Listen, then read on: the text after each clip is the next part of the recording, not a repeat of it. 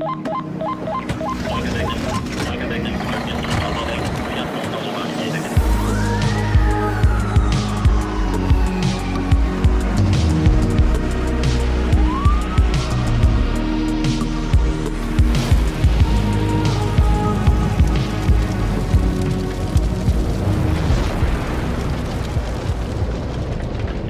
velkommen til en ny episode av Brannkast.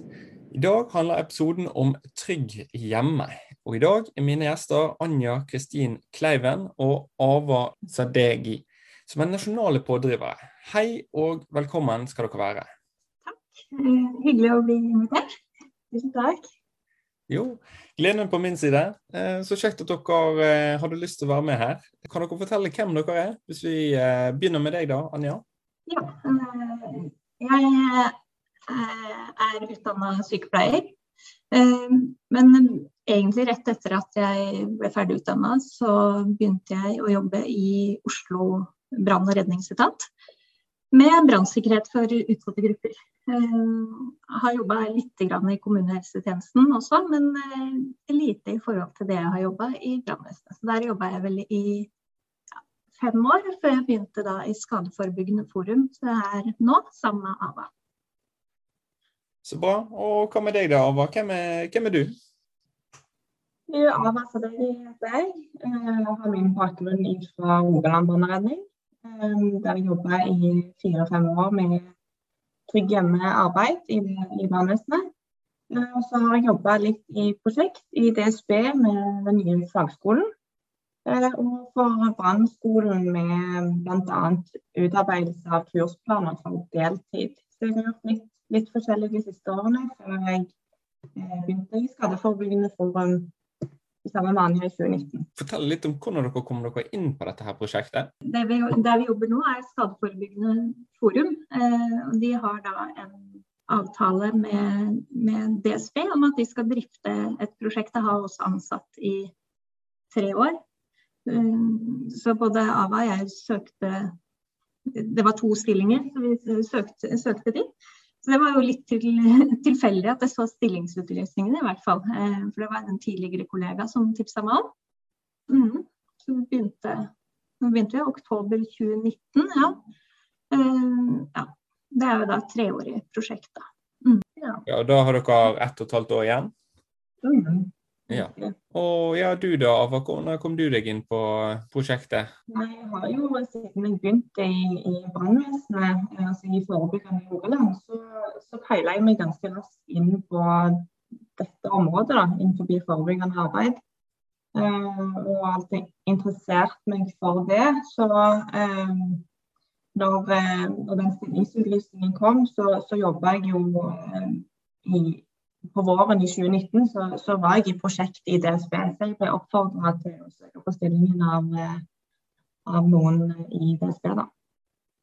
Så jeg er veldig glad for at jeg gjorde Ja, men det er bra. Eh, ja, eh, som sagt i begynnelsen så, så kalte jeg dere nasjonale pådrivere. Eh, hva innebærer det egentlig? Altså...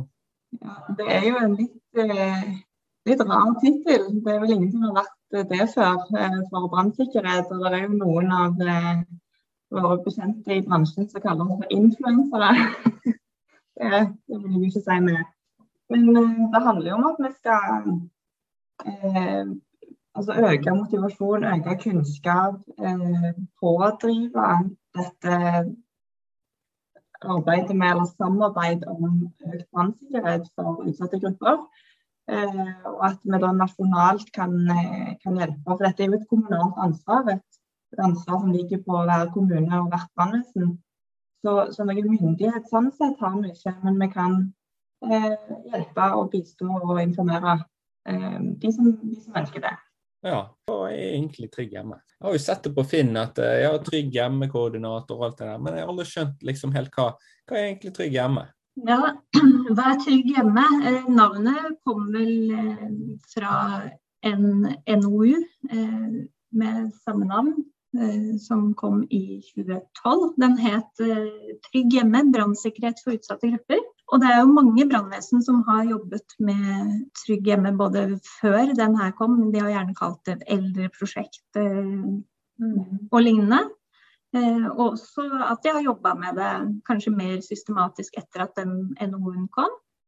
Det handler jo eh, om at de som er ekstra utsatt for å, for å dø eh, i brann, skal få hjelp for å unngå det. Da. Eh, for det er jo veldig mange som ikke evner å å ta vare på sin egen brannsikkerhet.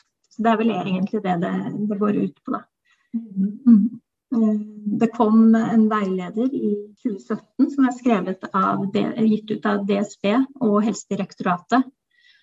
Og Den heter 'Samarbeid mellom kommunale tjenesteytere om brannsikkerhet for utsatte grupper'. Eh, og den, eh, for Det ble jo slått fast allerede da i 2012 at for å å hjelpe folk med brannsikkerheten, så trenger man, trenger man at brannvesenet og gjerne helse- og omsorgstjenesten i kommunen samarbeider. Fordi brannvesenet har De går tilsyn i sykehjem eh, og andre særskilte brannobjekter. Eh, mens de aller fleste som omkommer, de omkommer faktisk i eget hjem, hvor brannvesenet har begrensa myndighet da, til å gjøre tilsyn og Vet ikke om du føyer til noe, Ava? Det er jo egentlig det, den samarbeidsdelen som, som, stadig blir viktigere for å kunne eh, gjøre noe med det man antar kan bli et økende problem, da, dette med, med dødsbaner. Fordi at eh, vi skal bo lenger hjemme. Eh, og det gjelder eldre, men òg andre personer i samfunnet med andre eh, helseutfordringer. Eh, I forhold til rus og psykiatri så er det òg når man tidligere ville fått vært på institusjonen og fått institusjonsplass, så, så blir det ikke flere av de, i alle fall. Eh, sånn at det, det, er noe med å, å se hva, hva, vei dette her går, eh, og prøve å sette inn rutiner og tiltak i kommunen som, som, gjør at vi klarer å håndtere det problemet den utfordringen. Eh, så særlig dette her med, med helse og viktigheten av samspillet mellom samarbeidet mellom helse og brann. Det, det, er det vi bruker mesteparten av vår tid på, eh, og som vi ønsker å informere mest om i denne sammenheng. Så dette prosjektet er finansiert av eh, Gjensidige stiftelsen, brannløftemidler, ja. mm. som DSB søkte om eh, til et kampanje som heter Livsviktig. Livsviktig samarbeid. Og så gikk de inn i et samarbeid sammen med Helsedirektoratet og Skadeforebyggende forum, hvor DSB er prosjekteier, Helsedirektoratet er samarbeidspart, og Skadeforebyggende forum òg er samarbeidspart og har ansatt oss. Sånn okay. at vi er ansatt i, i Skadeforebyggende forum, men er, jobber i et prosjekt som er drifta og eid av DSB. Så vi rapporterer okay. til DSB. Mm. Eh, skadeforebyggende forum, eh, hva er, hva er det egentlig? Vi kaller oss gjerne bare Skafor, men det er en uavhengig ideell medlemsorganisasjon. Dvs. Si at vi skal ikke eh, tjene penger. Og det er kommuner og organisasjoner som er medlem hos oss. Det koster 1500 kroner i året, så det er ikke noen kjempestor stor kostnad. Men formålet til Skadeforebyggende forum er å redusere risiko for skader og ulykker, og begrense konsekvensene av ulykker når de først skjer. Eh, og det gjør Skadeforebyggende forum ved å egentlig formidle informasjon, utvikle samarbeidsprosjekter og arrangere møteplasser og seminar utenom koronatid. Eh, ja. Jeg jobba mye med noe som heter Trygge lokalsamfunn, som egentlig handler om at eh, at ulike instanser i kommunene finner hverandre for å ha trygge skoleveier, f.eks. Så, Brannforebygging har jo også vært en del av Skadeforebyggende forum sitt arbeid. For de jobber med ulike skader og ulykker på hjem- og fritidsarenaen. Mm. Og f.eks. et annet uh, risikoområde som, som, Skadeforebyggende forum jobber mye med, er jo drukning. Drukningsforebygging. Uh, og er bl.a. Um, har etablert drukningsforebyggende råd. Eh, så Det er òg en arena der de eh, skal få tungt inne og, og jobbe da, med nullvisjon for drukning. Ja. Så det var en naturlig plass. egentlig. Det, det passet veldig godt med måten vi skal jobbe på i prosjektet, fordi at det handler om nettverksbygging. Og det handler om um, kunnskapsformidling. Det er det Skadeforebyggende forum gjør for å redusere skader og ulykker. Mm. Mm. Ja, mest som hjem- og fritid, altså fritidsulykker. For det er veldig mange som skader seg hjemme, og det er ja, Det er det ingen instans. Det det er ikke det Arbeidstilsynet altså, kan jo føre tilsyn på arbeidsplasser, og du har jo arbeidsmiljøloven som, som skal sikre trygt, trygt, arbeidsmiljø. Men det er ingen som egentlig passer på hjemme. Der må vi gjøre jobben selv, da. Mm. Ja, veldig bra. For de som ikke vet, eh, hvem er egentlig disse her risikoutsatte gruppene? Ja, har det vært veldig fokus på eh, på eldre. Men så har det kommet eh, mer forskning de siste årene som smalner det litt. Og da det kom en rapport som het 'Rett tiltak på rett sted', som omhandla hvordan kommunen kan forebygge branner. Men de definerte sårbar, altså utsatte grupper eh, som mennesker som av ulike årsaker har større sannsynlighet for å starte en brann eller har begrensa evne til å forebygge brann, oppdage brann, varsle og slokke brann og evakuere ved egen hjelp. Altså én eller flere av de her.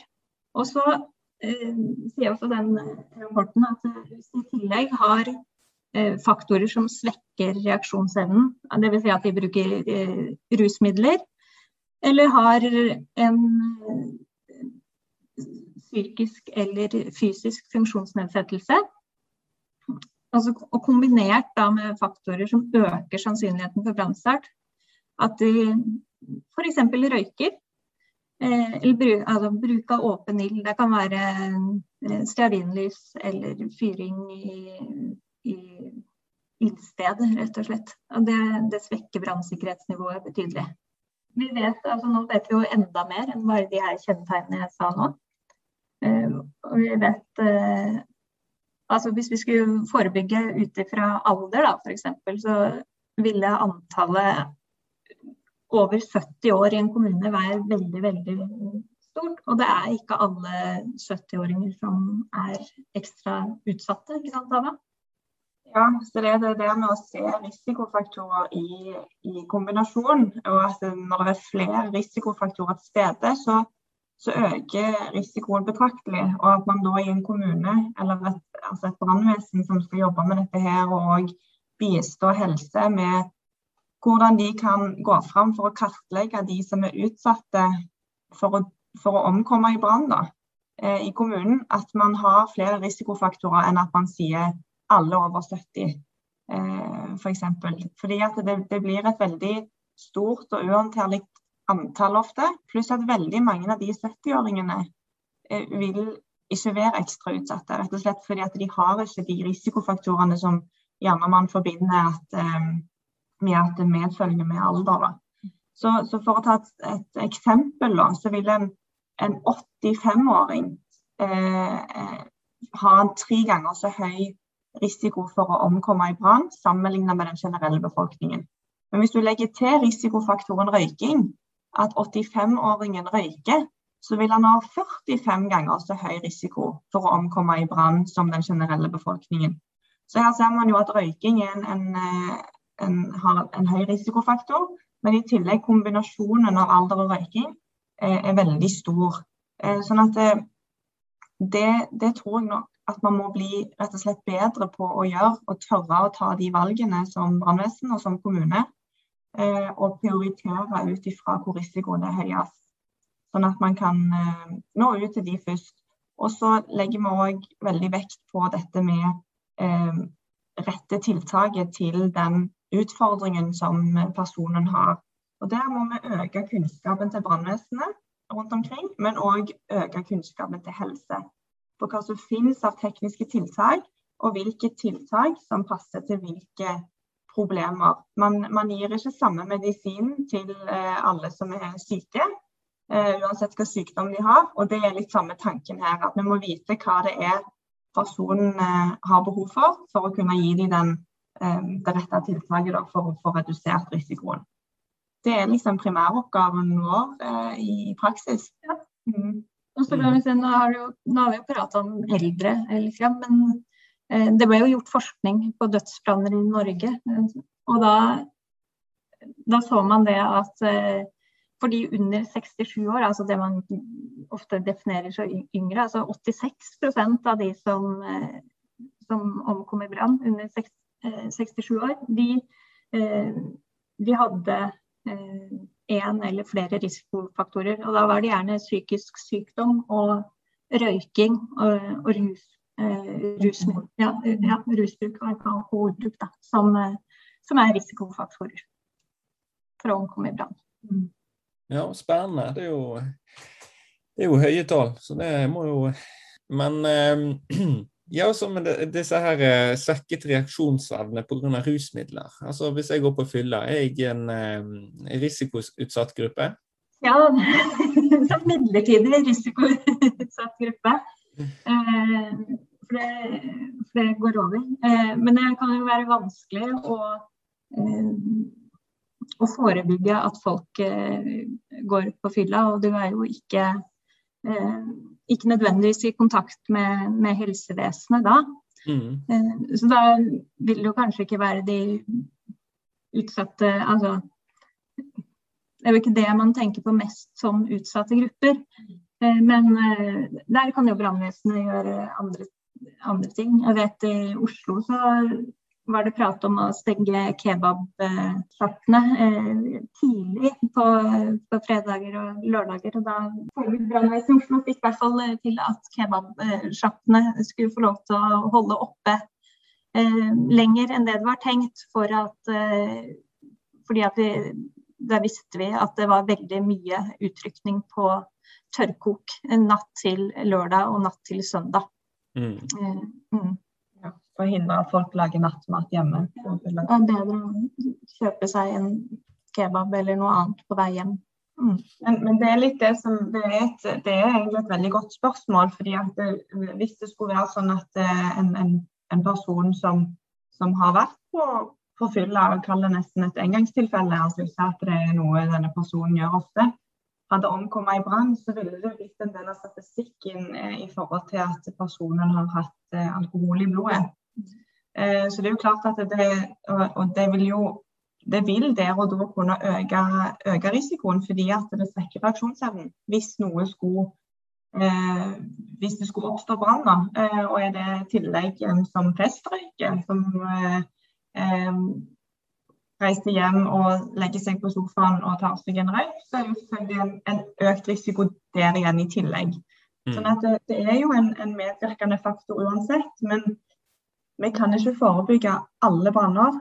Eh, og vi vet at de som gjør dette her daglig, de som har dette her som en del av sin, sin helsetilstand, nærmest, måten de, de lever på, eh, de vet ofte kommunen om. 50 eh, av de som omkommer i brann, er i en del av systemet i kommunen. I en, de mottar tjenester i en eller annen form. Og det er de vi kan begynne med å fange opp Eh, ved at helsetjenesten i kommunen vet om de allerede, de gir de en eller annen hjelp, og at de tenker på brannsikkerhet når de er hjemme hos disse menneskene. Eh, der vil vi klare å nå eh, veldig mange som, som har en helt klar ekstra utfordring og eller høy risiko i forhold til, til brann. Ja, absolutt. Det er, det er, viktig å ta tak i de risikoutsatte gruppene. Men i dette her prosjektet, hva er det dere har gjort egentlig? Vi begynte jo i oktober 2019. Eh, og det, de månedene før, før årsskiftet der, så, så, planla vi liksom hele 2020. Og det skulle være en, et år der vi skulle eh, gjøre prosjektet kjent. Delta på ganske mange konferanser og, og større samlinger av, eh, innenfor forebyggende eh, for å møte brannforebyggere, større konferanser i regi av DSB og Helsedirektoratet. Det var mye på agendaen, i tillegg til at vi ville reise landet rundt for å få flest mulig erfaringer fra ulike typer kommuner i form av størrelse, demografi, eh, avstander, alt dette her, fra nord til sør. Da. Det syns vi det savner vi litt. Eh, I forhold til at de modellene som er lagd for samarbeid, gjerne ikke passer de minste kommunene eller de mest de kommunene som er mer spredt. Eh, men så, så, gikk vi inn i koronaåret da, i 2020. Og alle reisene våre ble avlyst, alle konferanser ble avlyst. Så vi måtte på en måte bruke våren 2020 på å legge om. Og vi visste ikke hvor lenge dette ville vare.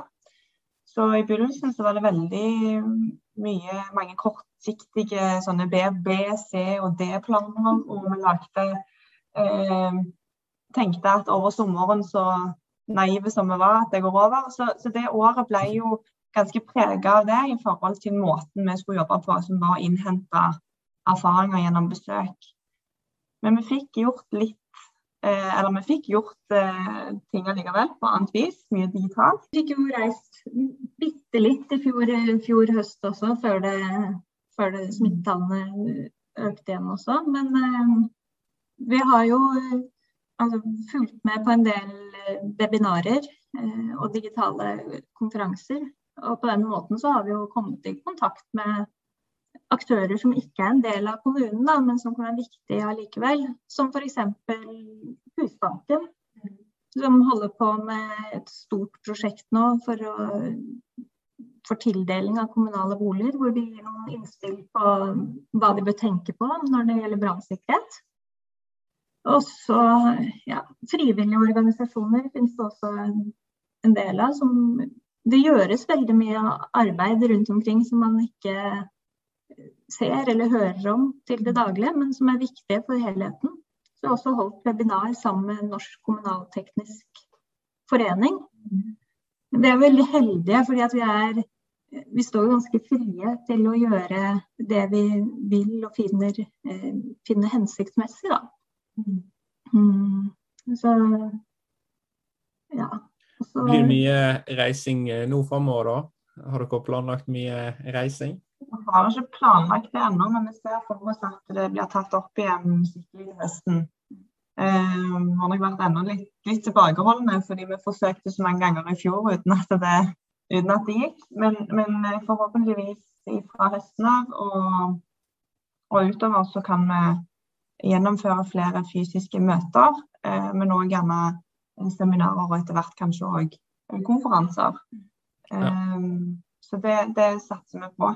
Så, så er det noe med at hvordan, hvordan folk jobber har jo kanskje endra seg litt også. At eh, det er jo ikke Folk er mer komfortable med å møtes eh, digitalt. Og man sparer jo mye. Det er veldig effektivt på mange måter. Samtidig så ser vi at eh, man går glipp av kanskje den lille småpraten akkurat idet man kommer eller litt imellom. Som litt uformelle, men hvor det, man får høre om gode ideer eller sånne ting. Både på konferanser og i, og i møter med andre. Så det går man glipp av da med ja, digitalt. Ja, absolutt. Jeg merker jo selv eh, da jeg startet opp i begynnelsen av 2020, eh, så da ble det litt eh da så jeg ikke koronaen komme, og da var det veldig mange møter som ble avlyst. Så eh, jeg kjenner meg litt igjen i det, den utfordringen dere hadde, da. Så, eh, men eh, alt blir bra. Det er bra. For nå virker det som om vi jobber veldig hva skal vi si, at det, det må være veldig stort, det vi, det vi eventuelt skal, skal bistå med eller er interessert i å, i å være med på. Men vi gjør jo alt. Vi jobber ikke bare på si, sånn stort og med seminarer og konferanser og, og større møter, men vi kan òg eh, svare ut enkelthenvendelser. Eh, spørsmål som brannvesen eller andre i kommunen måtte ha. Eh, vi har jo tett forbindelse med både DSB og Helsedirektoratet, som òg kan gjøre at man får raskere svar via oss enn hvis man sender inn et spørsmål selv. da.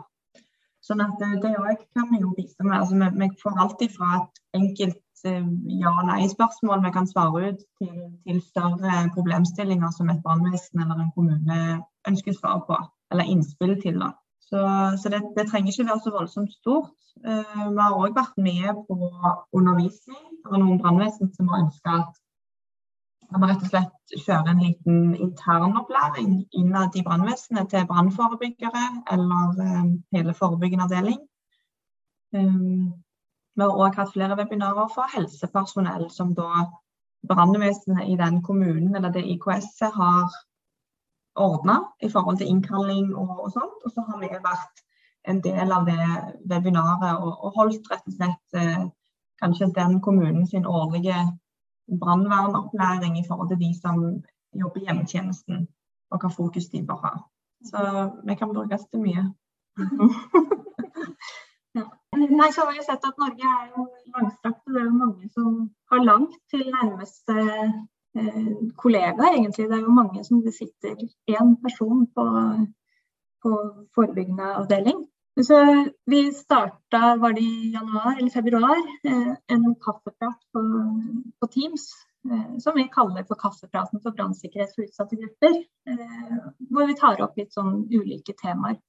Det begynte jo med var det 40 inviterte, de vi kanskje hadde hatt mest kontakt med. Og så har vi bare sagt at dere kan bare videresende til andre hos, som dere kjenner som kan være interessert. Så vi har vel hatt godt over 100 deltakere på noen av de kaffepratene. Mm. Så, ja, så det er, det er ca. 150 kommuner representert i den invitasjonslisten.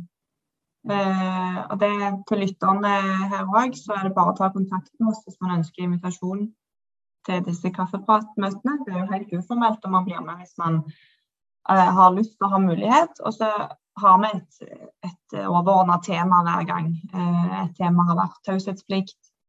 Um, over sommeren så skal vi ha et tema om, om, tekniske tiltak. Hva som finnes og hvor man kan søke om å få de. Um, kartlegging har vært et tema. Så, så det, det, har vist seg, å, vist seg å være et, et behov. Da. Uh, så det vil vi anbefale. Det kommer vi til å fortsette med så lenge det er ønskelig.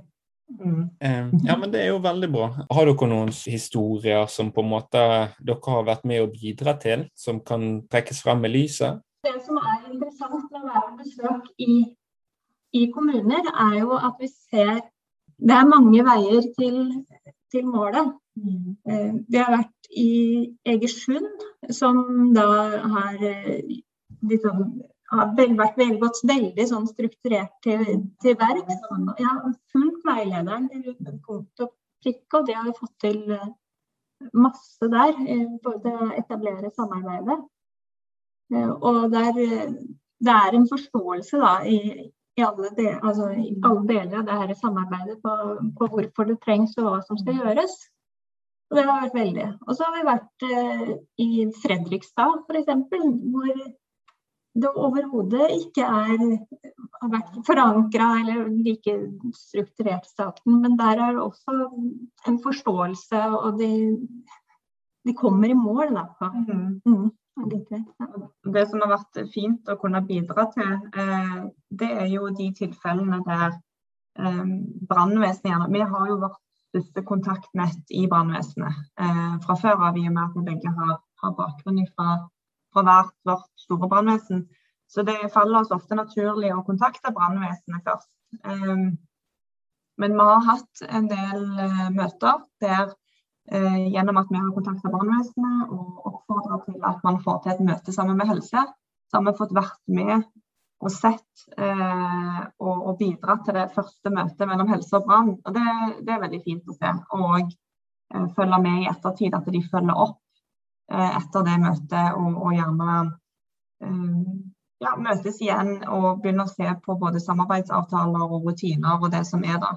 Så det å få være med på den oppstarten for de kommunene som ikke har starta samarbeidet formelt og systematisert det ennå, det, det, har veldig sånn givende å se at man, man utgjør da en forskjell som uh, fortsetter. Det er ikke bare et sånt engangsmøte. Ja.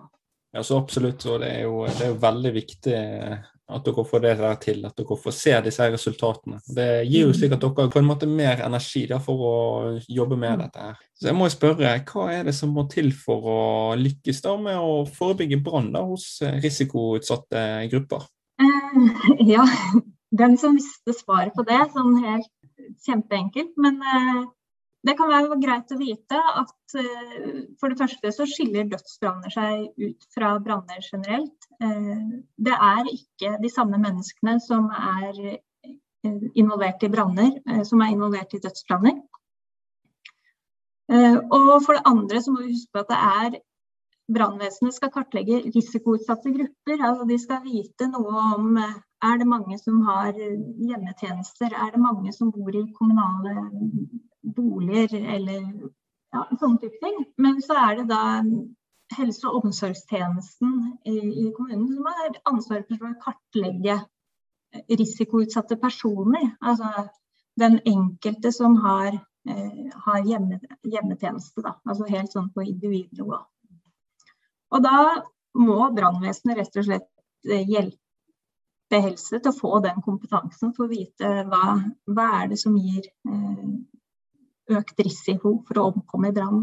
Det hadde vært veldig enkelt om hjemmetjenesten bare kunne sørge for at eh, alle sine brukere hadde, hadde røykvarter, og så var det, var det, bra. Men det er ikke så enkelt, da. Mm. mm. Det er sant. Så, så, vi ser jo det er mange kommuner som har tatt i bruk kartleggingsskjemaer som hjemmetjenesten bruker. Jeg vet ikke om du kanskje vil si litt om, om det? Ava? Ja, det er jo litt eh, i forhold til alle disse brannvesenene og kommunene som har starta med dette arbeidet. Eh, og for de fleste så er det jo kartlegging som naturligvis blir første, første steg. Og at man lager type sjekklister for å, å kartlegge og sjekke brannsikkerheten når man er på hjemmebesøk eller i, i, en, i en, bolig. Da.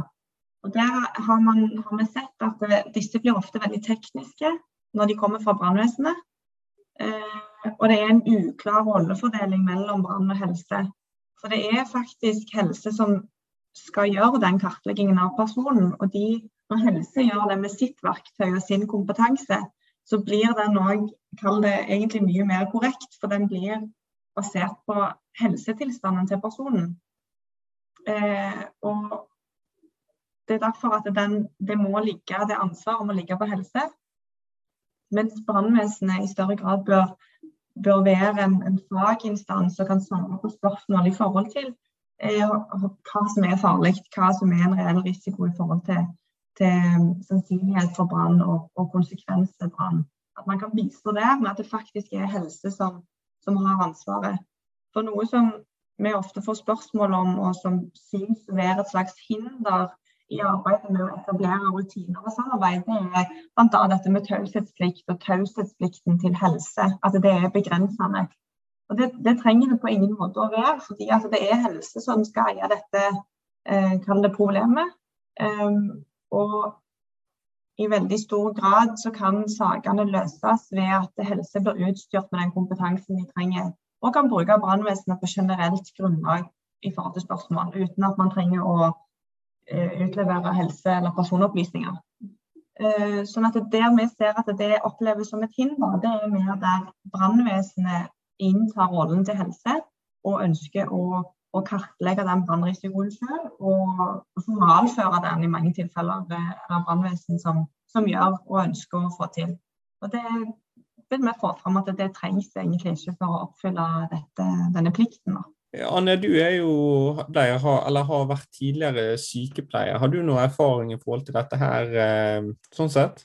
Eh, jeg hadde jo praksisen i hjemmesykepleien. altså Da jeg studerte i Oslo, eh, Oslo kommune, og jeg tenkte vel på brannsikkerheten én gang i løpet av den eh, var, Nå husker jeg ikke hvor mange uker det var, men det var jo mange uker og mange pasienter man var innom i løpet av de ukene. Men en gang tenkte jeg på brannsikkerheten da. Og det var hos eh, en pasient som var eh, sengeliggende pga. Eh, MS.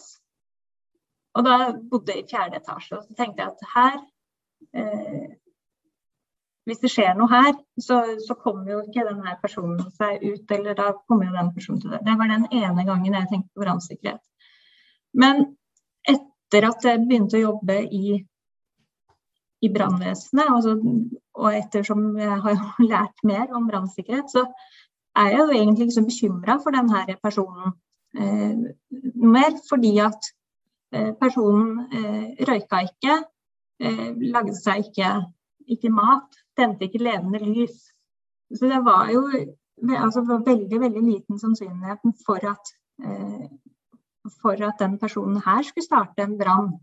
Og at det skulle da skje noe. Og så husker jeg nevnt det her for, for noen i hjemmesykepleien. Ja, men hvis det skjer noe hos naboen. Men da er det det at eh, denne personen bodde jo i en moderne boligblokk med gode brannskiller, så det er ikke så farlig hvis det skjer noe hos naboen heller. Så det er, det er mange som bor hjemme da, som er sengeliggende, men det er ikke nødvendigvis så, så farlig. Eh, fordi at det er vi vet at det er veldig mange boligbranner som starter pga. Menneskelige, menneskelige feil. Og hvis du er sengeliggende, så er det begrensa hvor mye du kan gjøre feil, da, rett og slett. Ja, absolutt. Det, vi har jo bygget eh, bygg eh, Moderne bygg er jo eh, litt mer og mer sikret og fått en god oppgradering de siste ti mm. årene. Så det er jo mm. veldig bra. Den tiltrengte kartlegging, vil du si? Ja. Jo, for det har vi sett som, som at hjemmetjenesten da f.eks. kan kartlegge ulike ting. Da. Og så er det usikkerhet. Eh, selv om man ser at her må det gjøres noe, så vet ikke helse nødvendigvis hva som skal, eh, skal gjøres. da. Fordi eh, de har, de, har, altså de har, rett og slett ikke den kompetansen. Fordi at de har ikke, ja, de har ikke fått opplæring i det. Og da kan det jo være en Det vil jo være brannvesenets rolle i det. De kan kanskje være med på å utforme sjekklister, men de må være klare på at det er faktisk helsetilstanden eh, til den enkelte personen som har mest å si for brannsikkerheten, ikke hvorvidt det er mye sjøkledninger eller ikke. Og så også kunne være med å vite hva, hvilke tiltak eh, kan brukes for mennesker som røyker på senga og er sengeliggende. Mm. Og at, eh, at, de tiltakene faktisk er mulig å få tak i da, i, i, kommunen. Eh, det kan jo brannvesenet også bidra med å liksom fortelle hva som, hva som, hjelper. Og også at, eh, til, altså brannvesenet kan være med hjem til, til, personer som har hjemmetjenester med samtykke. Så sånn sett så er jo ikke taushetsplikten et hinder. Og så er det viktig å tenke på for brannvesenet at eh, For det her er jo viktigst i verden for brannvesenet, men eh, enhver som mottar eh, helsetjenester, kan velge å si nei til det tiltaket som tilbys.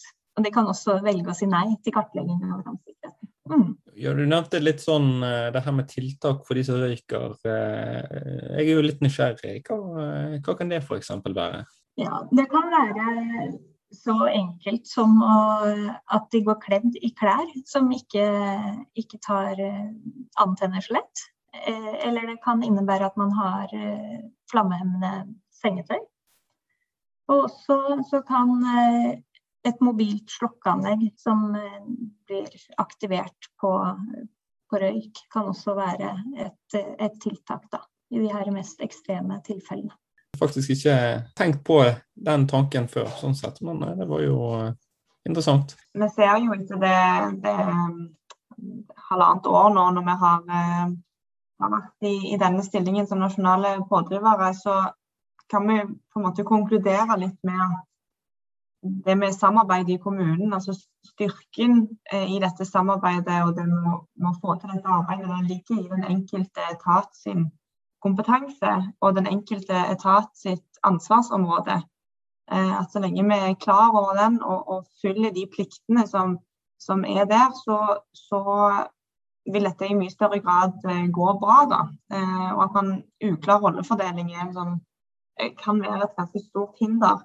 Og at man husker på helse sin primæroppgave i dette her, i at de skal tilby nødvendige og forsvarlige helse- og omsorgstjenester. Det er det eh, loven sier.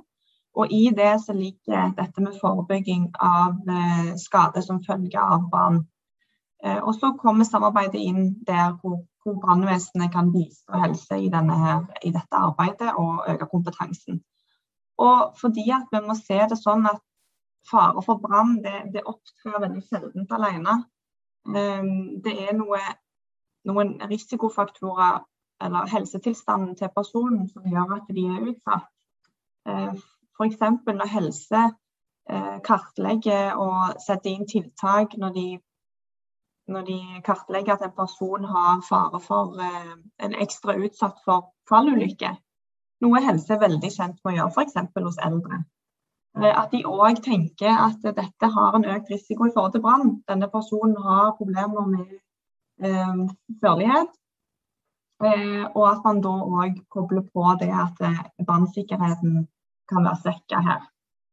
Eh, og òg dette med hva er mest effektivt for hvem. Altså eh, rett tiltak, eh, egentlig, på rett sted. Og at man, man spisser inn mot det som faktisk er problemet til den enkelte økte risikoen til den enkelte personen.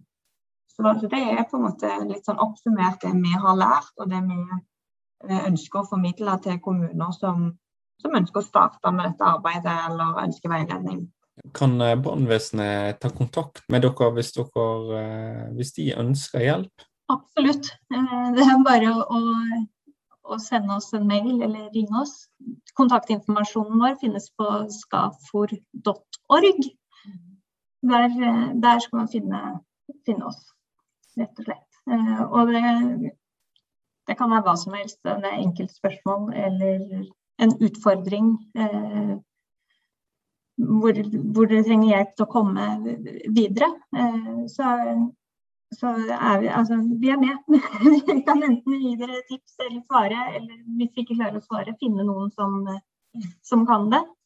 Og så er det noe med at ikke sikkert vi løser alle problemene med en gang, men det er jo noe for oss å ta med de, de utfordringene som finnes også, og ta dem med videre til både DSB og Helsedirektoratet for å se helheten, rett og slett. Mm blir vi veldig glad hvis eh, til de som tenker at de har funnet på noe smart. Funnet, funnet opp en, en, god løsning, eh, gode rutiner, eh, hva, hva, som helst. Eh, hvis man ønsker å dele den erfaringen, så vil det jo det komme andre brannvesen og kommuner til gode. Så fra store brannvesen, de mellomstore til de aller minste, eh, kanskje det er der gjerne utfordringen er mest. Da man ikke har så voldsomt store ressurser innad i brannvesenet til dette arbeidet. Eh, og man gjerne egentlig sitter alene med det eh, og ikke har så mange kollegaer å spille på, så er det bare å ta kontakt med oss. Så kan vi være den sparringspartneren. Eh, og vi kan òg sette kommuner i kontakt med andre kommuner, nabokommuner eller andre som er kan det ha tilsvarende, hatt tilsvarende utfordringer. fordi Vi ønsker jo òg at dette her skal leve videre etter Eh, etter at vi er ferdig i prosjektet. Så hvis vi klarer å, å knytte kontakter der som kan fortsette videre, så, så er mye gjort. Mm.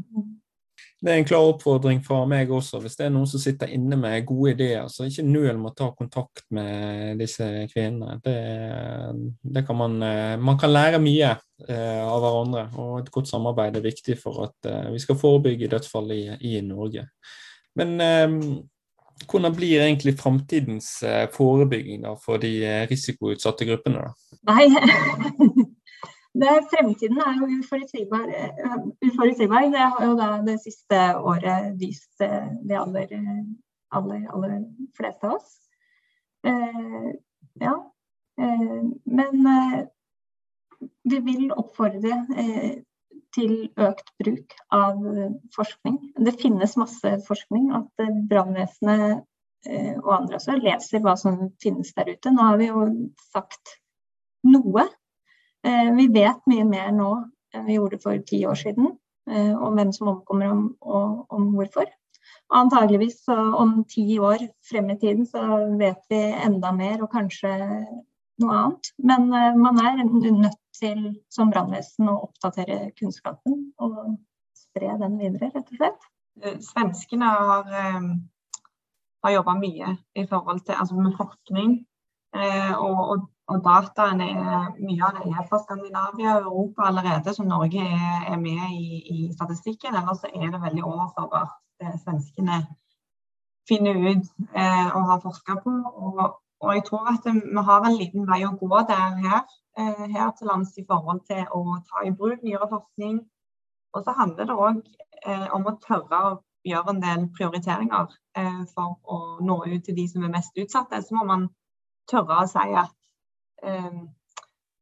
dette, vi, dette, vil vi i første omgang ikke se på. Vi vil fokusere på, på det som er mest farlig, som jeg gjerne kan si på ja, si enkelt. Så, så, det vil vi oppfordre til. Um, ta gjerne kontakt med oss for eh, invitasjon til kaffepraten. For der, der, er det et stort nettverk eh, dere kan komme i kontakt med utenom, utenom oss. Der, der, er det den uformelle praten som, som går, og, og folk deler. Eh, deler dokumenter, deler kontaktinfo, alt mulig. Så ja. Jeg føler at svenskene er foran oss på alt, egentlig. I hvert fall i forhold til Brann. Der er det liksom alt eh, ja, ja, vi ser at svenskene gjør det, og de har prøvd det og det og det. Og så kommer vi alltid etter. Men eh, Da har svenskene begynt på noe nytt. Ja, de har ikke virker. ja. Litt det også, det der, altså, her er det mye mer både i, på forebyggende og i beredskap som er veldig mye mer hendelsesstyrte. Så det skjer en mm. hendelse, og så oi, nå må vi ha fokus på det. Så vi henger alltid litt bak, men vi lærer jo voldsomt mye av disse hendelsene. Eh, så det er jo en fordel der. Men, men svenskene er, er, mye mer forskningsbaserte. Og kan jo òg da i, i, det arbeidet med å forske på noe som kanskje ennå ikke har skjedd, så kan man jo bomme. Så det er litt sånn fordeler og ulemper. Men det å ta med litt, litt mer forskning i arbeidet vårt nå enn vi har pleid å gjøre, tror jeg vi ja, det er smart i å gjøre. Mm, absolutt. Mm. Forskning er løsningen på eh, mm. Vi må faktisk studere at det vi faktisk gjør, er verdt å gjøre. Og, men da, jenter, eller kvinner, da tenker jeg at vi eh, må runde av episoden. Jeg føler vi har vært innom eh, det som skal til. Tusen takk for at dere hadde lyst til å være med meg. Og oppfordrer jo at brannvesen tar kontakt med Ava og Anja hvis dere trenger råd og veiledning og har lyst å være med på kaffepraten deres. Tusen takk for at jeg fikk være med. Ja, Takk for at du hørte på. Vi høres.